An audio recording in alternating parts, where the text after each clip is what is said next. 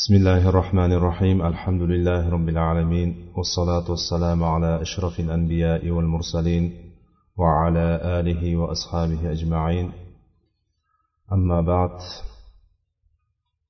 بزرع الصالحين كتاب دان أخبي لك كندك كيب بغن جايمز تابة باب داگه حدث لردن أخبي كندك تابة باب داگه يگر منش حدث كيتب كيلدك وحدث دا إمام نواغي رحمه الله zir ibn hubayshdan rivoyat qilib aytadi. Ya'ni bu oxirgi roviylarni keltiryapti bu kishi. وعن زر بن حبيش أتيت صفوان بن عسال رضي الله عنه أسأله عن المسح على الخفين فقال ما جاء بك يا زر فقلت ابتغاء العلم فقال إن الملائكة تضع أجنحتها لطالب العلم رداء بما يطلب زر بن حبيش degan tobeinlardan birisi saffon ibn assol degan sahobani yoniga keldi. Kelib masx haqida ya'ni shu mahsiga masx tortish haqida so'ragani keldi. Shunda saffon ibn assol aytdilarki ey zir seni nima olib keldi bu yerga? Nima uchun kelding? Nima sababdan bu yerga kelding? deb so'raganlarida u kishi javob berdiki ibtig'ol ilm ya'ni ilm talab qilib keldim ya'ni bir ilm olishlik uchun ilmni istab ilmni xohlab keldim deganida aytdilarki bu kishi sahoba aytyaptilarki maloikalar ya'ni farishtalar tolibi ilm uchun qanotlarini yozadi. Ya'ni yurgan yo'llariga qanotlarini yozadi. Nimadan?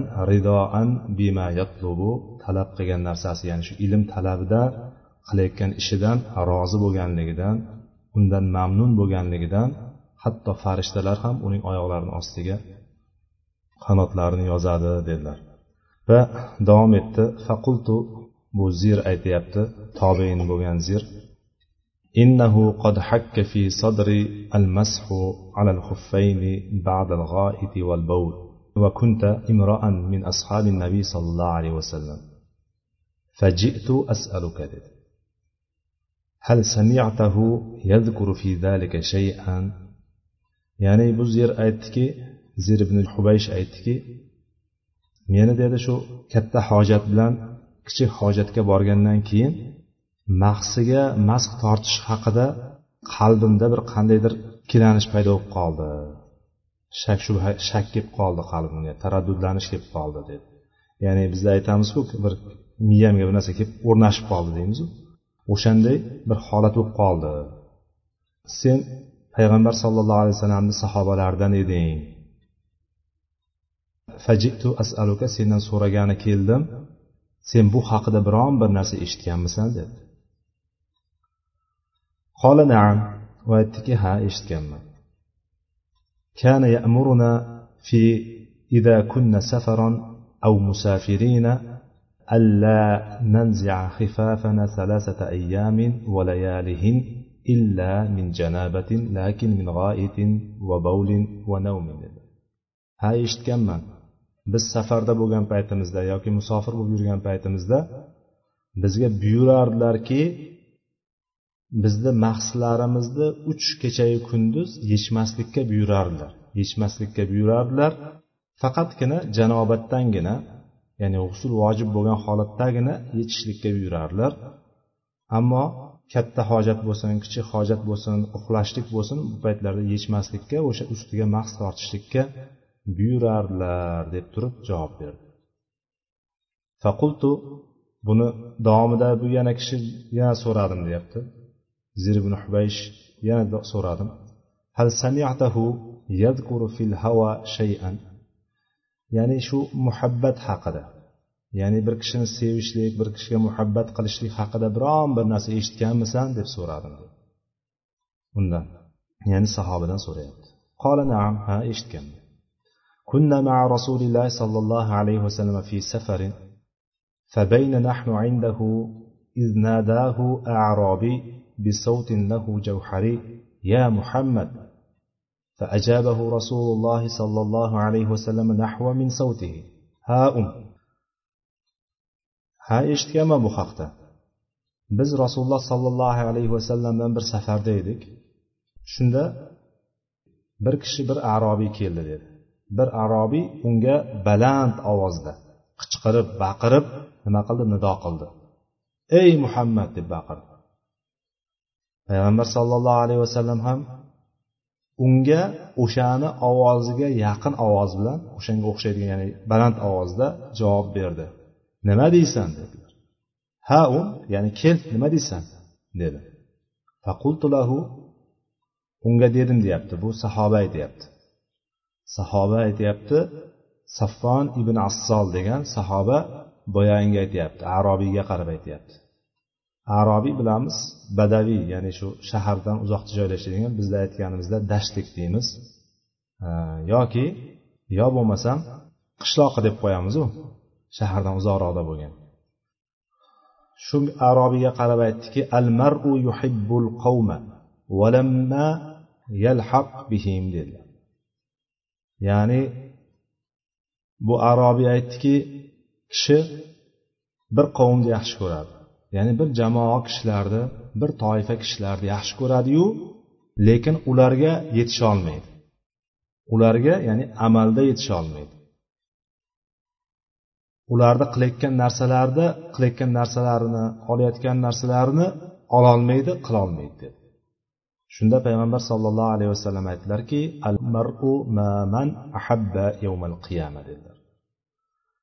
kishi qiyomat kuni yaxshi ko'rgani bilan birga bo'ladi dedilar payg'ambar sallallohu alayhi vasallam yuqoridagi savol nima edi bir kishini yaxshi ko'rishlik bir kishiga muhabbat qilishlik haqida so'ragandi yuqorida shu haqda nima deysan shu haqda biror narsa eshitganmisan degan ha eshitganman deb turib mana shu qissani gapirib berdi kishi qiyomat kunida yaxshi ko'rgani bilan birga bo'ladi dedi فما زال يحدثنا حتى ذكر بابا من المغرب مسيرة عرضه أو يسير الراكب في عرضه أربعين أو سبعين عاما payg'ambar sollallohu alayhi vasallam so'zlarini davom etdi bu haqda ko'p narsalarni gapirdi ya'ni o'sha orada kishi qiyomat kunida yaxshi ko'rgani bilan birga bo'ladi degandan keyin ham bir qancha gaplarni gapirdi va o'sha gapirganlarni ichida bitta eshik haqida gapirdi bir darvoza haqida gapirdi Bob degani eshik aslida bir katta darvoza yoki eshik haqida gapirdi. Bizdan eshik deydigan bo'lsak ko'pincha kichkina narsa tushunib qolinganligi uchun men darvoza deb aytib ketyapman buni. Bir katta darvozani haqida gapirdi mag'rib tarafda bo'lgan. Ya'ni shu mag'rib tarafda ya'ni mag'rib taraf deganda payg'ambar sallallohu alayhi vasallam turgan joylari madina edi. Madinaning mag'rib tarafida. Ya'ni bunday olib qaraydigan bo'lsa sal nari sharqiy taraflarni oladigan bo'lsak o'zi arabistonni o'zi ham makka madinani o'zi ham g'arb hisoblanib qoladi. Shuning uchun bu yerda aytilayotgan narsa madinaning g'arbida ya'ni qayer bo'lishidan qat'iy nazar bu yerda joy aniq aytilmayapti. G'arbdan g'arb tarafda bir eshik haqida zikr qildi. Uning eni ko'ndalangi bo'lgan enini uzun enini kattaligi yayov yurganda yoki bir otliq bilan yurganda minib yurganda mingan kishi otga yoki tuyaga yoki eshakka mingan otliq kishi yurganda yoki deb aytayotgan narsa bu yerda roviyni shakki bo'lyapti. Payg'ambar sallallohu alayhi vasallam hech qachon? Nima? Yoki deb turib ikkilanib aytmaganlar aytgan narsani aniq aytganlar. Bu yerda roviy shak qilyapti. Ya'ni o'sha sahobiy yayov yurgandami yoki otliqda yurgandami o'sha yerda ixtilof qildi. Ya'ni har qaysi bo'lgan taqdirda ham nima dedilar? Qirq yoki yetmish yillik masofa dedilar. Ya'ni shunaqa katta nima ekan darvoza ekan. Enini uzunligi yayov yurganda yoki otliqda yurganda qirq yillik yoki yetmish yillik masofa ekan. Mana shu haqda gapirib o'tdilar payg'ambar sallallohu alayhi vasallam dedi.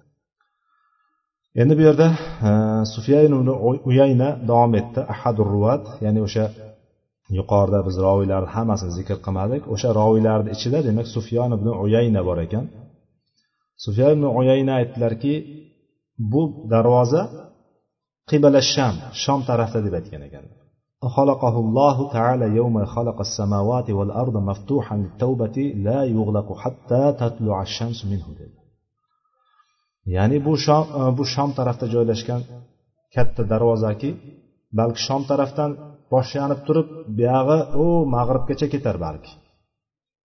U shimoliy afrika taraflarigacha qarab cho'zilar chunki otda yuradigan qirq yillik yoki yetmish yillik masofa bo'lishi uchun dunyoni bu tarafdan u tarafigacha borishlik kerak degan salkam bunday olib qaraganda. Tasavvur qilinsa ozgina tasavvur qilinsa yillik deyapti bu yerda kunlik emas oylik emas qirq yillik yoki yetmish yillik masofa bo'lishligi uchun yayov yurgan taqdirda ham yoki boyagi aytayotgandek otliqda yurganda ham ancha katta masofa ekanligini aytadi ya'ni balki boyagi aytayotgandek boyagi shomdan boshlanib boyagi nariyog'i shimoliy afrikacha u okeangacha borib qoladigan katta darvozaligiga ishora bo'lyapti bu narsani. Bu kishi aytyaptiki alloh taolo uni osmonlaru yerni yaratgan paytda yaratdi. Qanday holatda? Maftuhan ochiq holatda ya'ni. Littavba tavba uchun ochiq holatda qilib qo'ydi o'shani. Yaratib osmonlarni yerni yaratganligida oyatlarda keladi osmonlar yer yaratilishi olti kunda bo'lganligi. O'sha kunda yaratdi va o'sha kunda bu darvozani tavba uchun ochiq qilib qo'ydi. La hatta tatlu minhu. Endi o'sha mag'rib tarafdan minhu o'sha mag'rib tarafdan ya'ni botadigan quyosh botadigan tarafidan chiqmaguniga qadar bu eshik yopilmaydi deb turib marhamat qildilar.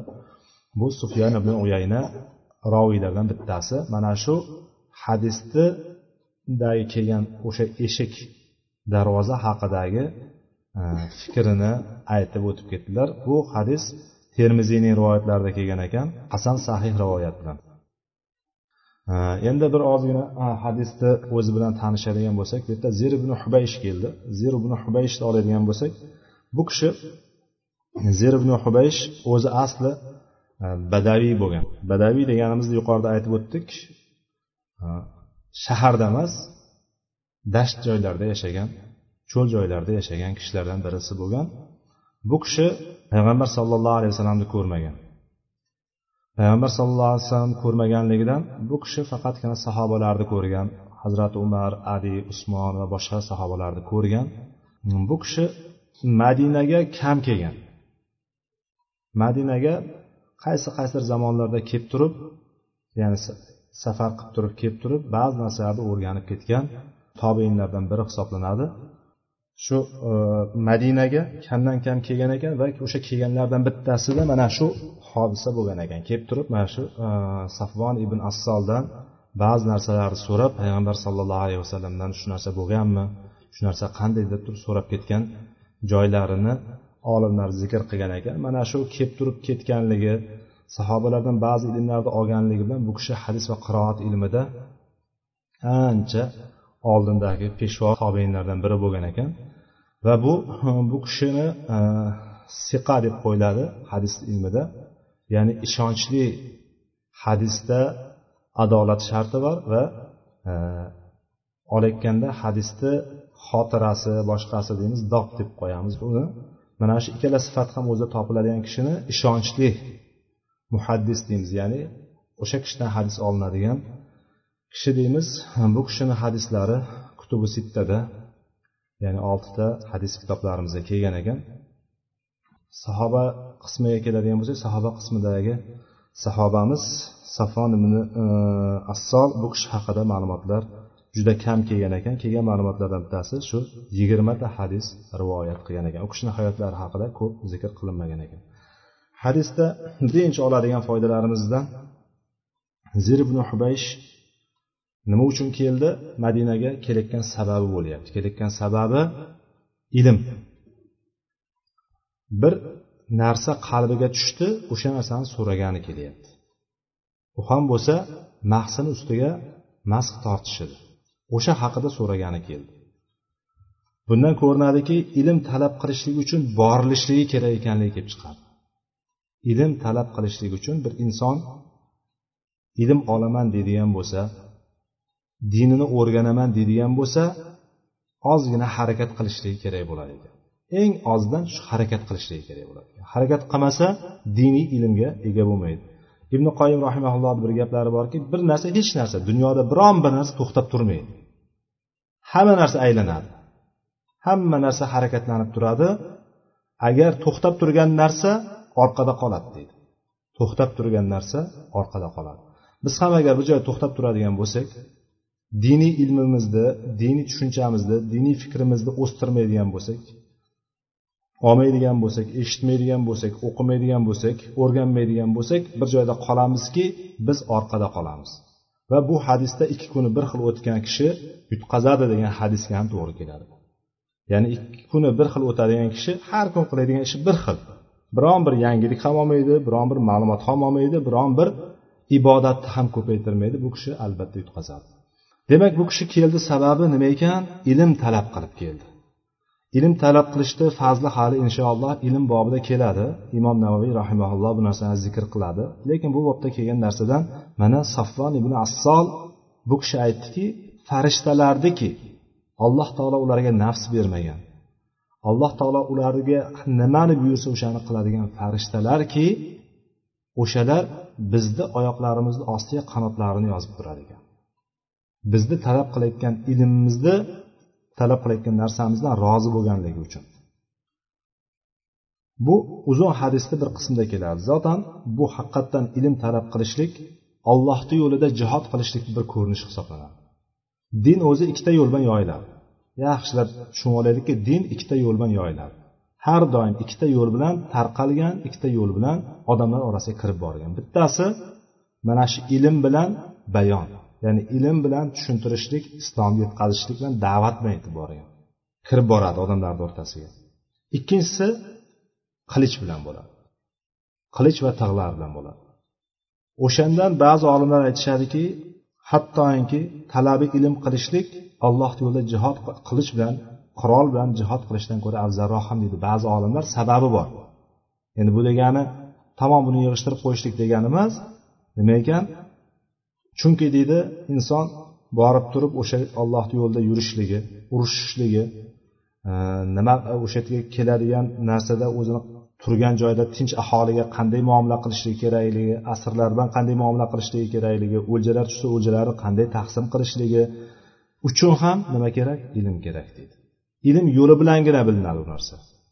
O'sha yerda tushunmaydigan bo'lsa balki hozirgi kunda ham alloh bilguvchi qancha qancha xatolar yuzaga kelib turganligi ehtimoldan xoli emas. Alloh taolo bizni o'zini haq yo'ldan adashtirmasin.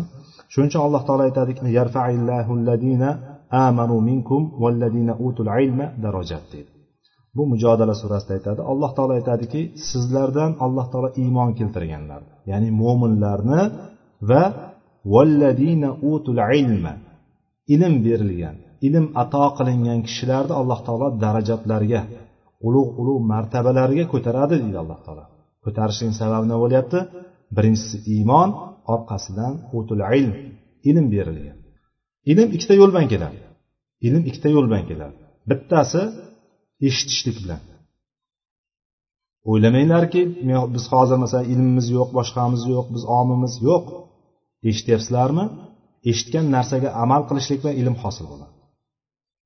Ilm eshitganda yetib keladi qalbga tushadi.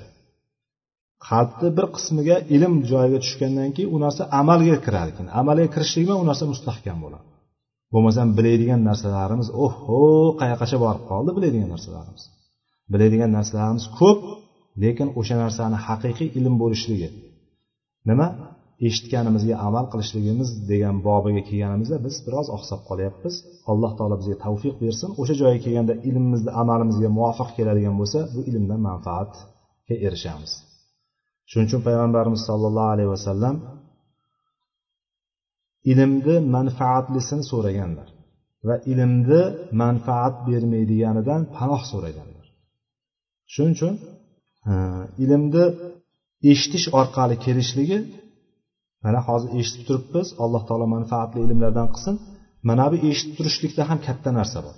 Ba'zilarda kerak bo'lsa eshitishlik har qancha o'qisa ham har qancha ko'rsa ham boshqa qilsa ham qolmaydigan narsa bir marta eshitganda qoladigan qobiliyatlari bor ba'zilarda. Sahobalarni ham bunday olib qaraganda to'qson foiz balki to'qson besh foizi o'qish yozishni bilmagan. Ular faqat eshitishlik bilan yod olgan eshitgan narsasini qalbiga joylagan hayotiga tadbiq qilgan. Mana shu bilan ular nima bo'ldi? Faqihlar yetishdi ichidan olimlar yetishdi qorilar yetishdi alloh yo'lidagi mujohidlar yetishdi. Shunday shunday katta katta hamma sohasida dindagi qaysi soha bo'lishidan qat'iy nazar katta katta kishilar yetishdi. Nimadan aksariyati quloqdan eshitgan narsasiga amal qilgan eshitishlik bilan. Ikkinchisi boyagi aytayotgandek o'qishlik bilan o'rganishlik bilan bo'ladi. O'qish o'rganishlikka hammaga ham nasib qilmaydi qilmasligi mumkin lekin eshitishlik hammaga nasib qiladi. Shuning uchun oyatlarda yoki hadislarda keladigan joylarga qaraydigan bo'lsalaringiz eshitish sam basordan oldin keladi. Qayerga zikrlar keladigan bo'lsa ham oyatlar keladigan bo'lsa ham bir e'tibor beringlar. Bir e'tibor beringlar. Shu o'qib qolgan paytlaringda e'tibor bersalaringiz quloq bilan ya'ni sama eshitishlik basordan ko'zdan ya'ni ko'rishlikdan oldin keladi. Eshitishlik ne'mati balki ko'rishlik ne'matidan ko'ra kattaroqdir. Chunki quloq eshitmasdan ko'zi ko'rib turib bir narsani fahmlay olmaydi lekin ko'z ko'rmasdan turib quloq eshitsa ko'p narsani fahmlay olishligi mumkin. Balki shuning uchun ham alloh taolo birinchi o'rinda samatni keltirgandir ko'p o'rinlarda. Hadislarda ham xuddi shunday. وجعل لكم السمع والأبصار والأفئدة قليلا ما تشكرون mana oyatdan وجعل لكم السمع birinchisi sama eshitishlik quloq sizlarga alloh taolo quloqni berdi e, ko'zni berdi va sizlarga qalblarni berdi juda oz shukur qilasizlar deydi alloh taolo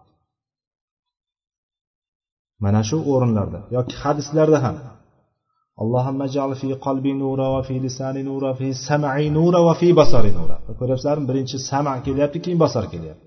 Ya'ni o'qish ilm olishlikda ham birinchi o'rinda qaysi turar ekan? Eshitishlik turadi ekan. Ya'ni eshitishlik deganda yo'q o'qib o'rganganlik baribir afzalku to'g'ri o'qib o'rganishlik afzal. Lekin eshitishlik degan joyida hammaga nisbatan olinganda omma insonlar ham o'qishni bilmaydigani ham o'qishni biladigani ham arabchani biladigani ham bilmaydigani ham eshitishlik bilan ko'p narsani olib qo'yadi ekan. Demak eshitishlik ilm ekan mana shu ilmga amal qilishligimiz bilan alloh taolo biz darajalarimizni yuqoriga ko'taradi ekan. Bu hadisda masx haqida so'radi. Ya'ni o'sha keldida meni shu qalbimda shu masx tortishlik haqida mahsiga mahs tortishlik haqida bir e, ko'nglimda bir g'ashlik kelib qoldi degandek qilib turib hakka fi sodri dedi. Meni qalbimda bir narsa kelib qoldi. Shu narsani hech ketkazolmayapman shuni qilsa bo'larmikan qilsa bo'lmaydimikan? U payt u oyatda bilardi nimani? Ya ayyuhallazina amanu idza qumtum ila solati faghsilu wujuhakum va aydiyakum ila al-marafiq wamsahu bi ru'usikum va arjulakum ila al-ka'bayn oyatini bilardi. Ya'ni ey mo'minlar agar namozga turadigan bo'lsalaringiz yuzlaringni yuvinglar qo'llaringni tirsaklaringgacha yuvinglar boshlaringga mahs tortib oyoqlaringni to'piqlar bilan qo'shib yuvinglar degan oyatni bilardida. Oyoqni yuvishlik kerakligini bilardi.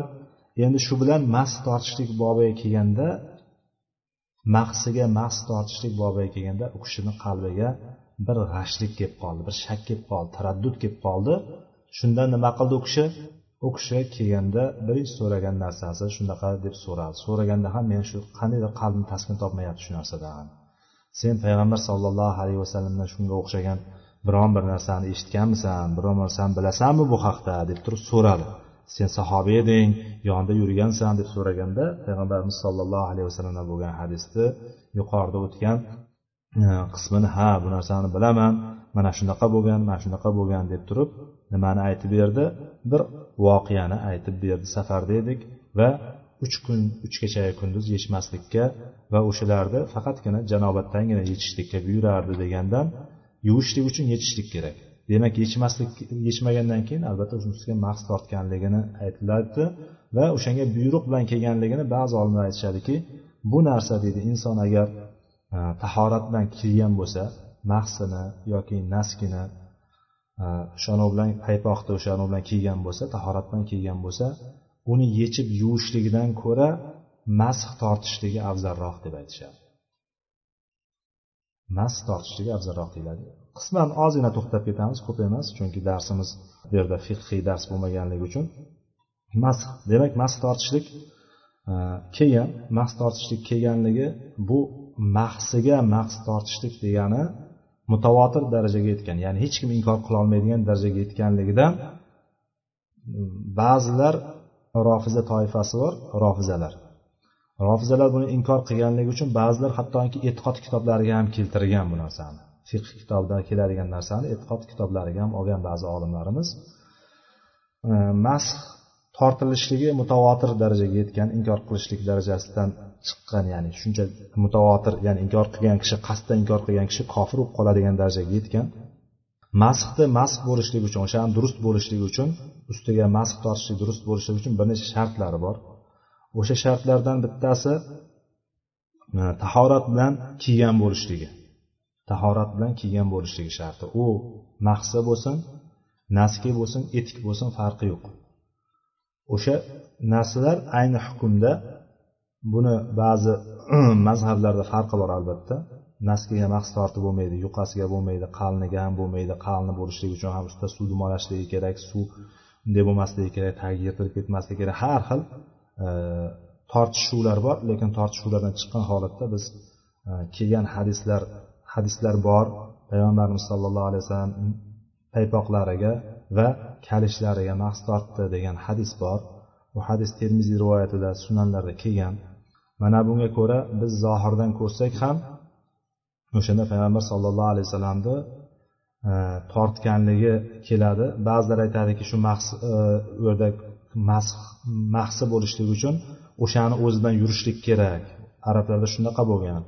Mahsi degani bizni hozirgi kunimizdagi balki etiklarga to'g'ri keladi deydi. Boyagi kerzov etiklar bo'lardiyu kerzov etikda lattaligi bo'lardi. Masalan tagi qattiqu usti lattalik. Xuddi shunga o'xshagan arablarda ham xuddi o'rab qo'yiladigan jundan bo'lgan qalin bir jundan bo'lgan o'sha ustidan narsa kiyilmagan o'sha bilan yuradigan narsa bo'lgan shuning uchun bunga tortsa bo'ladi. Lekin Э, naskini o'zi bilan yurilmaganligi uchun unga mas tortib bo'lmaydi degan dalillarni keltirishadi ba'zilar. Lekin hadisda payg'ambar sollallohu alayhi vasallam naskiga tortdilar paypoqqa ya'ni javrab deb keladi paypoqqa tortdilar va kalishlarni ustiga tortdi. Kalishlar ilgari tagi bo'lgan faqat. Э, tagi deganimiz e, hozirgi kunda slanslar borku. Xuddi shunga o'xshab ketar. Boyagi oyoqni uchtalik slansi bor masalan oyoq barmog'ini ichiga kirib turadigan slansi o'shanga o'xshagan slansiga o'xshagan tagi bor ustidan o'sha slansini uchta bog'ini o'rniga iplar tortilgan ip bilan bog'lab qo'yilgan. Shuning uchun shiroki nalihi degan hadislar keladigan shirok degan o'sha boyagi kalishni bog'i deymiz ipi. Ustidan ipi bo'lgan ip ushlab turgan. Ya'ni payg'ambarimiz sollallohu alayhi vasallam o'sha kalish bilan yurganligida naskilariga masx tortganligi va naski bilan yurmaganligi ular ham bunday olib qaragan naski bilan yurilmasligi arablarni odatida ham demak ichkaridan kiyadigan narsa ekanligiga ishora bo'lib turibdi o'zi mana shu hadisni o'zi. Demak ichkaridan kiyadigan narsaga ham albatta u bilan yurishlik shart emasligi kelib chiqyapti va o'shanga mas tortganligidan biz ham olamiz demak mas tortsa bo'ladi degan hukmni olamiz. Demak birinchi sharti naski bo'lsin. Yoki sharti bitta sharti bor buni. To'piqni yopib turish kerak. O'shancha balandlikda bo'lishi kerak. Ikkita suyak borku to'piqlarimiz. Tahoratda yuviladigan joy oyoqdagi to'piqlar. O'shalarni yopib turishligi kerak. O'shani yopib turadigan etik bo'lsin e, mahsi bo'lsin yoki naski bo'lsin tortsa bo'laveradi. Lekin piyatkalar bo'lsa hozirgi aytayotgandek tagiga kiyadigan to'piqni yopmaydigan faqat oyoq tagiga kiyadigan bo'lsa ularga nima bo'lmaydi? Tortib bo'lmaydi ular. Ya'ni ichidagi naskiga tortsa bo'ladi lekin piyatkaga tortilmaydi. Ho'p birinchi sharti demak tahorat bilan kiyishligimiz kerak ekan. Bunga hadisda payg'ambarimiz sollallohu alayhi vasallamdan bir hadis keladi. Mug'irat ibn shuba degan sahoba bu buxoriy va muslimni hadislarida keladi. U kishi biz safarda edik payg'ambarimiz sallallohu alayhi vasallam tahorat oldilar men oyoqlaridagi mahslarni yechishga harakat qildim yechib qo'ymoqchi bo'ldim dedi payg'ambarimiz sallallohu alayhi vasallam. Qo'y teginma ularga chunki men nima ularni tahorat bilan kiyganman dedilar. Sharti demak tahorat olib bo'lgandan keyin kiyishligimiz kerak ekan. Ya'ni bitta oyoqni yuvib naskini kiyib olib keyin keyingi oyoqni yuvib naskini kiyib olsak u naskiga mahs torta olmaymiz. Nima uchun? Payg'ambarimizdan mana bu hadisga ko'ra ikkalasini ham yuvgandan keyin kirgizganligi. Tahorat qachon tugaydi? Ikkinchi oyoqni ham yuvib bo'lgandan keyin tugaydi. Qo'ygin men tahoratman kiyganman deganligidan kelib chiqadi. Bitta oyoqni yuvib kiygan paytimizda hali tahorat yuzaga kelmagan bo'ladi. Ikkinchi oyoq yuvilib bo'lingandan keyin kiyishligi bilan nima bo'ladi? Tahorat yuzaga kelgan bo'ladi va tahorat bilan kiyilgan hisoblanadi. Mana shunga e'tibor berishligimiz kerak. Masalan sovuq kunlarda tahorat oladigan bo'lsak birinchi oyoqni bitta oyoqni yuvib naskini kiyib olib ikkinchi oyoqni yuvib keyin naskini kiyib olamizda keyin tahorat buzilgan paytda tahorat olayotgan paytimizda ustiga mas tortamiz. Bu mas sahih bo'lmaydi ekan bu birinchi sharti ekan. Ikkinchi sharti nima bo'lishligi kerak? Ikkinchi sharti faqatgina bularni yuqorida hadisda ham kelganidek biz bunda katta hojat kichkina hojat va uyqudangina nima qilardik? Mast tortardik junub holatimizda ichardik degan hadisga ko'ra demak kichkina tahoratlargagina to'g'ri bo'ladi ekan mast tortishlik va undan keyingisi bo'ladigan bo'lsa muddati bor. Muddati mana safar hozirgi hadisimizda nima aytdi biz safarda ekanmiz musofir bo'lgan holatlarimizda uch kecha uch kunduz ya'ni yetmish ikki soat. Yetmish ikki soatga nima qilardik deyapti? Bizga buyurardilar payg'ambar sallallohu alayhi vasallam yechmasligimizga dedilar. Muqim kishi uchun safarda bo'lmagan kishi uchun nima qilinadi? Bir kecha va bir kunduz yigirma to'rt soat. Va masx qachon boshlanadi? Masx tortilgan soatdan boshlanadi kiyilgan soatdan emas. Mana deylik hozir men naski kiydim tahorat bilan naski kiydim yoki mahsi kiydim. Asrda tahoratim buzildi asrda tahorat oldim. Va tahorat olgan paytim mast tortdim ertangi kun asrgacha tortishligi mumkin. Mana bu keyingi sharti va buzilish soati. Ertangi kun asr keldi tahoratim sinadim tahorat sinmaydi. Endi masx tortolmayman shunday deb aytib qoldi ya'ni deylik tahoratim sinmaydi lekin mashim sinadi. Masx tortolmayman endi qaytib. E, asrdan keyin o'tdimi shomda tahorat olmoqchi bo'ladigan bo'lsam oyog'imni yechib yuvishligim kerak bo'ladi. Masxni muddati o'taydigan bo'lsa bo'lgani o'tgani bilan tahorat sinmaydi ekan namoz o'qisa bo'laveradi ekan. Mana shu narsalarni olamiz ekan. Keyin boyagi hadisni keyingi qismida sahobiy keldida boyagi e, ikkinchi narsani so'radi. Ikkinchi narsa so'ragan narsasi nima bo'ldi? Muhabbat haqida. Bir kishilarni e, bironta qavmni biron kishilarni yaxshi yaxshi ko'rish haqida biron narsa eshitganmisan deb so'raganda bir voqeani aytib berdi. Safarda edik bir badaviy ya'ni boyagi aytgan dashtlik qishloq bittasi ya'ni ular odatda muomalani bilmaydigan qanaqa munosabatda bo'lishlikni bilmaydigan ilmsiz johil kimsalar bo'ladi aslida. Xuddi shunga o'xshagan bir kishi keldida bor ovoz bilan baqirib payg'ambar ya muhammad deb turib mana shunaqa xitob qildi. Endi bu yerda e, boyagi kishi aytdiki men uni qaytardim dedi. Ey bu narsa qaytarilgan. Boya hadisda balki shu joyini tarjima qilib o'tib ketgan. Subhanalloh. Ya'ni bu aytdiki ey holingga voy bo'lsin bunaqa biz bu narsadan qaytarilganmiz ya'ni payg'ambar sallallohu alayhi vasallamni yonida baland ovozda gapirishlikdan qaytarilganmiz deb turib qaytardi qaytarganda bu qaytarishligi biz bundan qaytarilgandik degandan oyat bor يا أيها الذين آمنوا لا ترفعوا أصواتكم فوق صوت النبي ولا تجهروا له بالقول كجهر بعضكم لبعض أن تحبط أعمالكم وأنتم لا تشعرون degan oyat bor ey mo'minlar sizlar ovozlaringni payg'ambarning ovozidan baland ko'tarmanglar dedilar Ya'ni payg'ambarimiz sollallohu alayhi vasallam mo'tadil ovozda gapirganlar o'sha kishini ovozidan baland ko'tarmanglar dedilar. Vala tajharu lahu bil qavl ya'ni gapirayotgan paytlaringda bir birlaringga baqirib gapirgandek bir birlaringga baqirib chaqirganlaringdek u kishiga baqirib chaqirmanglarki amalukum ya'ni sizlarni amallaring habata bo'lib ketadi. Ya'ni amallar bekorga chiqib ketadi. Amallar nima? Botil bo'lib ketadida gunohkor bo'lasizlar va antumla tashurun va sizlar sezmagan holatlaringda degan oyat tushgan ya'ni bu narsa qaytariq bo'ldi. Payg'ambar sollallohu alayhi vasallamni huzurlarida baland ovozda gapirishlikdan u kishiga baqirishlikdan qaytarilgan edik. Va o'shani qaytarganda ham ey men tinch qo'y men baqiraveraman dedi boyagi. Arobiy aytdi men tinch qo'y baqiraveraman men dedi. Ishing bo'lmasin aralashma degandekda xuddi. Ya'ni bu aytdikki badaviylar shunaqa bo'ladi. Aytgan narsasi nima bo'ldi? Vayhak ug'dud min savtik dedi. Ya'ni ey holingga voy bo'lsin ovozing pasaytir degan paytda u nima deb javob berdi? Vallohi la ag'dudu dedi. Qaranglar e, qasamki allohga yana qasam bilan aytyapti qasamki ovozimni pasaytirmayman ishing bo'lmasin deganday xuddi bor ishingni qil e, deganday gapni javob berdi. Bu yerda e, nahiy munkarni olamiz. Eshitgan paytimizda ko'rgan paytimizda munkardan qaytarishlik kerak ekanligini ko'ramiz.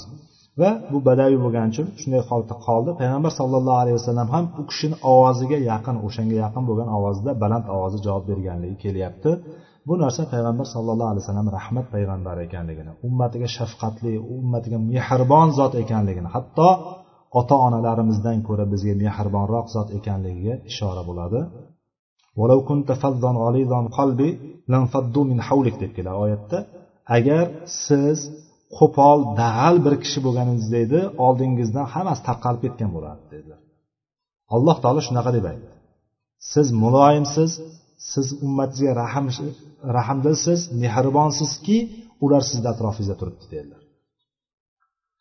Ya'ni bu yerda ham xuddi shundayki arobiyni holatini bilib turibdi payg'ambar sallallohu alayhi vasallam. Ya'ni u johil bilmaydi lekin u kishi bilib turganligi uchun uning amali behuda ketib qolmasligi uchun payg'ambar sallallohu alayhi vasallam nima qildilar u kishi ham baland ovozda gapirdilar degan bir tushunsak bo'ladi bu narsani.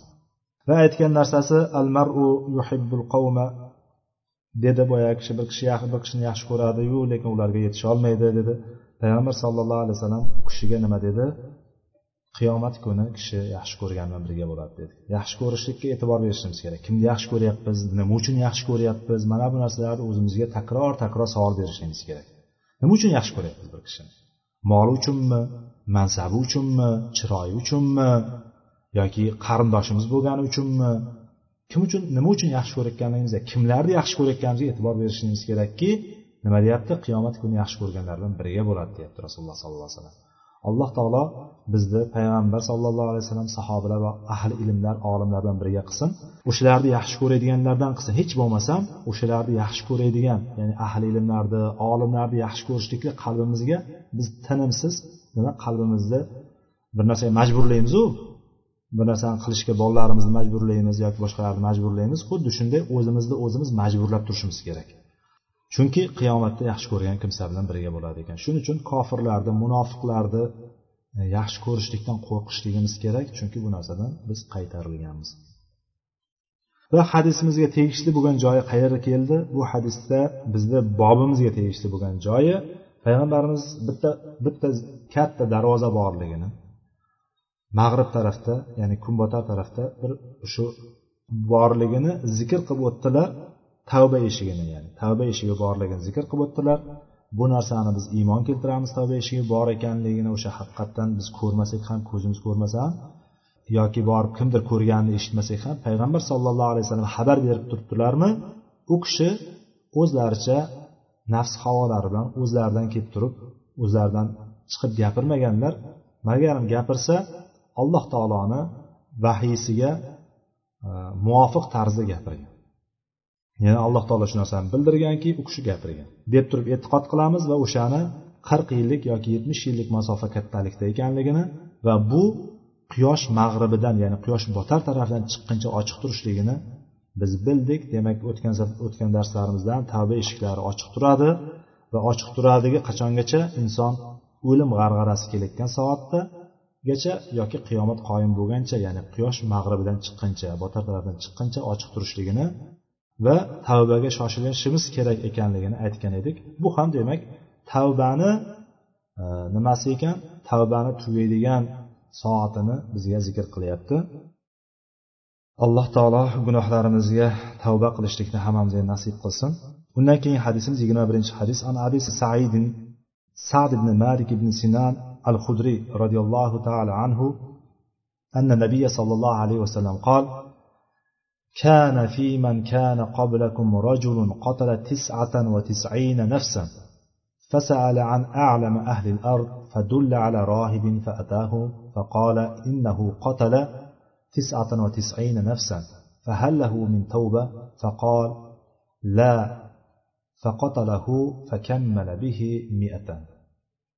Bu hadisda bizga abu said hudriy deb bilganimiz sahobiy jalil sahobalarni ichida faqihlaridan bo'lgan va yuqorida aytib kelyapmiz biz ko'p hadis rivoyat qilganlarni ya'ni mingtadan ortiq hadis rivoyat qilgan sahobalardan yettita sahoba bo'ladigan bo'lsa o'sha sahobalardan bittasi bo'lgan kishi ekan. Bu kishi bir ming bir yuz yetmishta hadis rivoyat qilgan. bir ming bir yuz yetmishta hadis ya'ni mingtadan ortiq hadis rivoyat qilgan. Abu said hudriy deb bilamiz. Bu kishini ismlari nima ekan? Imom navoiy bizga ismlarini berib ketyapti. Sad ibn malik. Sad ibn molik ekan bu kishini ismi. Biz ko'proq kunyasi bilan taniymiz ekan kunyasi bilan nasabidan taniymiz ekan. Nimasi bilan? Kunyasi va nisbasi bilan. Abu said al hudriy deb qo'yamiz. Ya'ni hudriylardan bo'lgan abu said deb bilamiz biz. Lekin ismi kim ekan? Sad ibn malik ekan. Bu kishi rivoyat qilyapti. Bu kishi aytdilarki payg'ambar sallallohu alayhi vasallam shunday dedilar. Sizlardan oldingi ummatlarda bir kishi bor edi nafsan. Ya'ni qotilu miah degan bir hadis bu. Aslida bir hadislarga nom berilganda bu hadis yuz kishini o'ldirgan qotil haqidagi hadis degan bir hadis bu. To'qson to'qqiz kishini o'ldirgan kishi haqida payg'ambarimiz sallallohu alayhi vasallam aytib berdilar. Ya'ni bu kishi hikoya o'qiganlarmi yoki borib turib birontasini eshitganlarmi? Yo'q. Bu kishini odatlari va qur'onning ham uslubi oldingi ummatlar haqida bizga xabar berib o'shalardan biz ibrat chiqarishligimizga qissadan hissa yasashligimizga nima bo'ladi? Bizga keltirilgan qissalardan bittasi. Alloh taolo ham bizga ko'p oldingi voqealarni oldingi e, payg'ambarlarni oldingi ummatlardan kelgan voqealarni ko'p joyda qissa qilib berdi. Va payg'ambarimiz sollallohu alayhi vasallam ham ko'p o'rinlarda bizga qissa qilib berdi. O'sha qissalardan bittasi mana olinglar qissadan hissa chiqaringlar degan ibrat olinglar degan hadisdan bittasi oldingi ummatlardan sizlardan oldingi kishilardan bir kishi bor edi to'qson to'qqizta kishini o'ldirdi dedi. Va so'rab keldi yer yuzidagi eng olimroq kim deb turib qidirib yurdi so'radi. Va bir bitta rohibga dalolat qilib ko'rsatib qo'yildi. Ya'ni o'sha yoqqa borsang falon joyga borsang bitta rohib bor deb turib ko'rsatib qo'yildi. Uyini joyini. Rohib degani olimlarni bu yerda shorihlar aytishadi hadis sharhlaganlar aytishadiki rohib degani obid ya'ni ibodatgo'y xudojo'y odam. Ya'ni tinimsiz ibodat qiladigan bundan ko'rinadiki faqat ibodatgo'y ya'ni olim emas. Rohib deb kelyapti shuning uchun.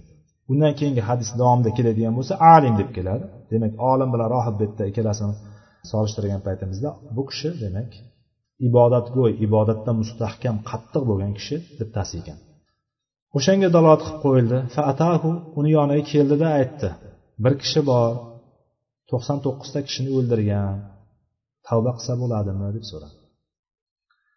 Ya'ni bir e, qiziq joyini qaranglarda bu insonni og'zidan chiqadigan narsa qiyomat kunicha bir xil chiqadi. Ya'ni bir xil chiqadigan bir xato qilib qo'ygan kishi yoki bir e, aybi bo'lgan kishi kelib turib bevosita so'ramaydi men falon ishni qilib qo'ydim nima deysiz? demaydi. Bittasi bor ekan deb boshlaydi. E, bittasi shunaqa qilgan ekan deb boshlaydi. Mana bu kishi ham nima deyapti? Kelib turib to'qson to'qqizta e, kishini o'ldirgan bittasi bor tavba qilsa bo'ladimi? deb so'rayapti. Unga tavba bormi? Nima deysiz? Tavba qilsa tavbasi qabul qilinadimi? deb so'rayapti. Bu kishi nima dedi? Faqola la yo'q dedi. Unga tavba qayerdan tavba bo'lsin? Ya'ni bu e, ko'zini oldida to'qson to'qqiztasini o'ldirgan bu ilmsiz bo'lgandan keyin qayerdan bilsinki ibodatni qilib turganidan to'qson to'qqizta odamni o'ldiribdi do'zaxni eng qari kirib ketadi degandek qilib balki shunaqa javob bergandir. Bu yerda hadisda qisqacha qilib yo'q dedi. Demak hadisni uslubi bu. Balki aytayotgan paytda e hayoling aqling joyidami seni? To'qson to'qqizta odamni o'ldiradiyu endi tavba qilaman deb turib tavba qilsa indamasdan ketaveradimi degandek javob bergan go'yoki. Shuni degandan bu nima qildi? G'azabi jo'shib ketdi boyagida faqotalahu uni ham o'ldirdi. Nimaga? Bu uchinchi shaxsdan so'rab turuvdiku chunki o'zi haqida so'rab turuvdida uchinchi shaxs qilib turib. Bittasi bor edi shunaqa qilib qo'ygandi nima deysiz deb so'rab turuvdi. Aytgandan keyin uni ham o'ldirdida yuztaga yetkazdi. Boya to'qson to'qqizta ediku. Endi yuzta odamga yetkazib qo'ydi o'sha rohib oxirgi rohibni ham o'ldirdida to'qson to'qqiztani yuzta qilib qo'ydi. So'ngra yana so'rash davom etdi. Odamlardan so'rab surishtirib yer yuzida eng olim kishi kim? deb turib so'rab yurdi. Endi bu safar bir olim kishiga ishora qilib qo'yildi. O olim kishi bor. Falon joyga borsang bitta olim bor. Deb turib ko'rsatib qo'yildi. Faqol bordida olim kishini yoniga bordida innahu qatala miata nafsin fahallahu min tavba dedi. Bu yerda ham yana boshladi bittasi bor. E, shu desangiz bittasi bor edida yuzta kishini o'ldirgan shu tavba qilsa tavbasi qabul qilinadimi o'shanga tavba bormi deb so'radi. Faqol olim kishi aytdiki naam dedi.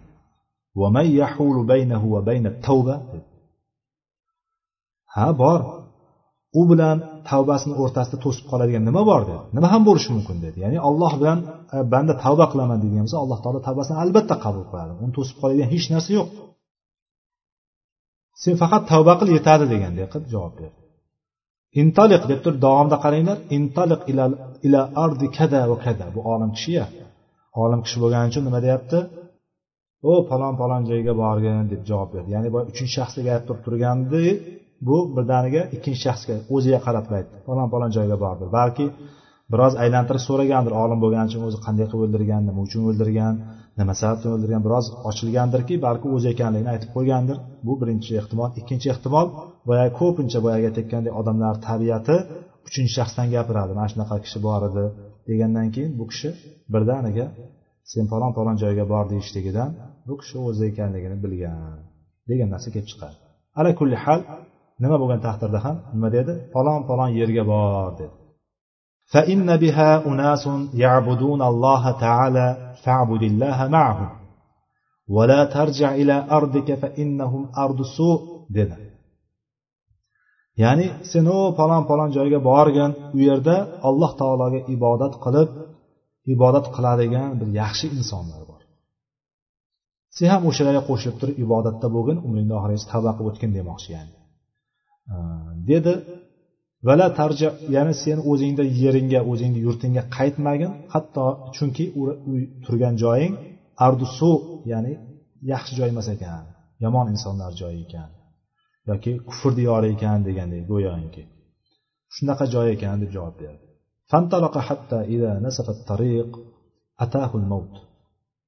Endi bu kishi bu gapni eshitgandan keyin alhamdulillah javob bor ekan. Demak tavbam qabul bo'ladi ekan. Pushaymon o'zi qilgan ishidan tavba yo'lini qidirib yuribdi. Alhamdulillah topdim yo'lni dedida yo'lga chiqdi. Yo'l toq qoq yarmiga kelgan paytda o'lim keldi unga. O'lim yetdi ya'ni. Shu on fihi va malaikatul mana shu o'rinda jon chiqayotgan paytda o'ldi jonni ruhni olish kerak. Ruhni kim oladi? Maloikalar vakil qilingan muakkal malakul maut deymiz biz o'lim farishtalari kelib oladi. O'sha farishtalarni ikki turi bor. Malaikatul rahma rahmat farishtalari bor. Malaikatul azab azob farishtalari bor. O'lim maloikalarini ikki turi bor. Azob farishtalari bor rahmat farishtalari bor. Bulardan keyin mo'min kishi bo'lsa rahmat farishtalari oladi. Kofir munofiq johil kishi bo'ladigan bo'lsa nima bo'ladi? Azob farishtalari oladi. demak bu yerda ikkalasi ikkita maloikalarni ikki toifasi nima qilib qoldi tortishib qoldi nimaga tortishib qoldi فقالت ملائكة الرحمة جاء تائبا مقبلا بقلبه إلى الله تعالى ya'ni rahmat farishtalari birinchi gapni boshladi bu dedi tavba qildi qalbi bilan alloh taologa qarab turib yurdi bu shuning uchun biz olamiz jon dedi ya'ni bu tavba qildi qilgan shuncha yuzta jonni o'ldirgan bo'lsa yuzta odam nohaq o'ldirgan bo'lsa ham bu tavba qildi shuning uchun biz olamiz jon dedi. Azob farishtalar aytdiki innahu lam ya'mal khayran qat dedi. Ya'ni u dediki ho'p dedi tavba qildim deyaptiyu lekin bironta yaxshilik qilmadiku deyapti. Hali bironta yaxshilik qilmadi. Tavba qildim deb yo'lga chiqdi xolos. Borib ibodat qilishligi kerak edi umrini qolganini ibodat bilan o'tkazish kerak edi degan shartlarni bular qo'shyapti ya'ni go'yoki. U hech qanaqa yaxshilik qilmadiku dedi. Bir odam suratidagi malak farishta keldi ularni o'rtasida nima qilishga? Hakamlik qilishlikka. Tortishib turibdi ikkita maloikalarni ikkita toifasi. Ularni o'rtasida bir farishta odam suratida kelib turib ularni o'rtasida hukm qildi. Faqola qisu ma baynal ardayn? Ya'ni ikkita yerni ya'ni boyagi chiqib ketgan yomonlar yurti bu yoqda yaxshilar yurti ikkalasini o'rtasidagi masofani o'lchanglar dedi فإلى أيهما أيتهما كان أدنى فهو له endi mana shu ikkala yerdan qaysi biriga yaqinroq bo'ladigan bo'lsa u o'shalardan hisoblanadi dedi فقاسوا فوجدوه أدنى إلى الأرض التي أراده فقبضته ملائكة الرحمة endi bularni e, shunaqa degandan keyin bular bunga qanoat hosil qildi bo'pti yaxshi fikr bo'ldi dedi O'rtani masofani o'lchab boshlashdi. Masofani o'lchagandan keyin nima qildi? O'sha talab qilib chiqib ketayotgan ya'ni yaxshilar o'lkasiga solihlar yurtiga solihlar mamlakatiga yaqinroq holatda topdi o'lib yotgan joyini yaqinroq holatda topdi va uni rahmat farishtalari jonini oldi dedi muttafaqun alayhi hadis. Va hadisda boshqa rivoyatlarda sahihda kelyapti bu ham. Ya'ni shu buxoriy rivoyatlarida bo'lishi kerak. Allohu alam. Aytyaptiki fakana ilal qurbati soliha aqrab shibri fajuila min ahliha. Ya'ni o'sha solihlar qishlog'iga solihlar o'lkasiga mahallasiga yoki bir qarich yaqinroq chiqdi deyapti. Bir qarich. Faraz qilinglar bir qarich. Bir qarich yaqinroq chiqdi min ahliha va o'shalarni ahlidan deb e'tibor qilindi deyapti ya'ni solihlardan deb e'tibor qilindi va rahmat farishtalar jonini oldi va boshqa rivoyatda sahihdagi boshqa rivoyatda kelyapti فأوحى الله تعالى إلى هذه أن تباعدي وهذه أن تقربي وقال قيسوا ما بينهما فوجدوه إلى هذه أقرب بالشبر فغفر له ya'ni boshqa rivoyatda kelyaptiki haqiqatdan o'lgan joyida balki u uzoqroq qolgandir. Alloh taoloni bu yerda aytayotgan narsasi ya'ni alloh taolo uni tavbasini qabul qilganligini ishorasi bu yerda kelyapti. Ya'ni chiqqan joyi borku kufr diyori yoki yomonlar yashaydigan joydan chiqqan qishlog'idan o'sha yerga aytdi. Yerni o'ziga alloh taolo buyruq qildi vahiy qildi. Antabaadi dedi. Uzoqlash dedi yerga uzoqlash dedi va bu tarafga solihlar qishlog'iga qarab turib yaqinlash dedi ya'ni o'lib yotgan boyagi kishiga nisbatan kelyapti. O'shandan uzoqlash dedi narigi yerda bunisiga yaqinlash dedi. Va aytdiki bu ikkalasini o'rtasini o'lchanglar deb farishtalarga buyurdi. Ya'ni farishtalar ham g'aybni bilmaydi ollohni ishlarini bilmaydi. Olloh bildirmaguncha bilmasligiga mana shu yerda dalil ham bor.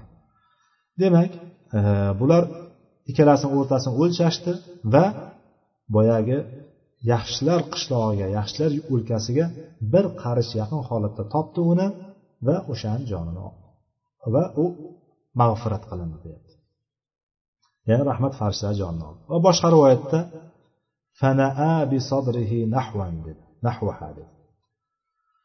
Ya'ni bu kishi boyagi yiqilib o'lishga yiqilgan paytda ko'kragi bilan ya'ni ko'ksi bilan o'sha tarafga biroz siljigan holatda o'sha tarafga intilgan holatda o'lgan ekan. Ya'ni shunday olib qaraganda gavdasini yarmi bunday olib qaraganda yaxshilar tarafda yotgan ekan. Ya'ni go'yoki o'lchangan paytda gavdasini yarmi ya'ni ko'krak qismi bosh qismi balki o'sha tarafga yiqilganligi uchun oldinga qarab yiqilganligi hisobiga buni rahmat farishtalari jonini olgan ekan. Endi bu yerdan ko'rinadigan narsa bu hadisdan oladigan foydalarimiz haqiqatda juda katta ko'p. Alloh taoloning marhamatini shunaqa kengligini olamiz bu yerdan. Alloh taolo bandasini o'tgan safardagi hadislardan o'quvdikki bir kishi sahroda tuyasini yo'qotib o'limga rozi bo'lib o'tirgan paytda tuyasini qaytarib kelib qolganini tizgindan ushlab shundaqa xursand bo'lib ketib qolgandan tili kalimaga kelmay teskari kalimalarni aytib yuborgan paytda qanaqa xursand bo'lsa alloh taolo bir bandasini tavbasida undanda qattiqroq xursand bo'lardi degan hadisda o'tgan edik.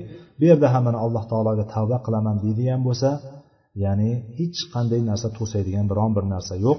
Mana shuni olamiz bu hadisdan ya'ni tavba qilaman deydigan bo'lsa alloh taolo tavbasini qabul qiladi va boshqa bir oyatda la yaghfiru ay yushraka bihi va yaghfiru ma duna zalika liman yasha degan oyat bor.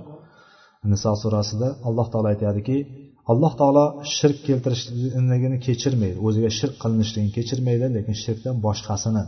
Bu yerda ibn usaymin rahimalloh mana shu oyatni tafsirida aytadiki duna kalimasi o'shandan kichkina bo'lgan ya'ni shirkdan kichkina bo'lgan gunohlarni hammasini alloh taolo o'zi xohlagan bandalaridan kechiradi degani bilan mana bu yerda alloh taoloni mag'firatini shunaqa kengligini inson har qanaqa gunoh qilib qo'ygan bo'lsa ham har qanday har qancha katta gunoh qilib qo'ygan bo'lsa ham nima? Alloh taoloning marhamati rahmati juda kengligini bizga ota onalarimizdan eng mehribon bo'lganlarimizdan ko'ra ham alloh taolo bizga mehribonroq bo'lgan zotligidan alloh taolo bandasidan bandasini har qanday gunoh qilib qo'ysa shirkdan boshqa gunoh bo'ladigan bo'lsa agarchi shirk qilib qo'yadigan bo'lsa ham chin dildan tavba qiladigan bo'lsa alloh taolo tavbasini qabul qiladi. Nimaga? Mushriklar nimaga musulmon bo'lgandan keyin o'tgan gunohlarni kechirib yuboryapti alloh taolo o'shalardan shirkni kechiryapti. Lekin shirk bilan o'lib ketsa alloh taolo uni kechirmaydi degan kelib chiqardi. Demak bu yerdan ko'zlanadigan maqsad alloh taolo mag'firati juda keng. Hattoki mana shu yuzta kishini o'ldirgan nohaq o'ldirgan kishini ham agarchi hayotini davomida ibodat bilan o'tkazmagan bo'lsa ham bu kishini gunohlarini alloh taolo kechirdi. Nima uchun? Qalbidagi ixlosi bilan. Ya'ni birinchi bobimiz o'tdagi ixlosda haqiqiy nadomat qildi qalbidan haqiqiy ixlos qildi. O'sha tavba qilaman dedi va o'sha turgan joyini tark qildi. Gunohdan chiqishlikni bir yo'li bor. Biz gunohlarga nimaga kirib qolyapmiz? Birinchidan gunohni to'liq tark qilmayapmiz. Birinchi sababi. Ikkinchi sababi o'sha gunohlarni ich ichimizdan xohlayapmiz. Alloh saqlasin. Ich ichimizda moyillik bor gunohga o'shaning uchun gunohdan chiqib ketolmayapmiz.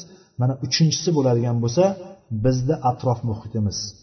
Biz yomonlarni ichida yomon o'rtoqlarimiz bor yomon do'stlarimiz bor har qanday kishilar bor o'shalar bilan aralashib yuribmiz yonimizda munkarni qilsa ko'z yumib o'tib ketyapmiz. O'shalarni ichidan ajralib chiqmaguncha nima bo'lmaymiz? Biz o'sha gunohlardan saqlangan hisoblanmaymiz. Balki nauzubillah o'shalardan bir xil gunohga ega bo'lib qolishligimiz mumkin.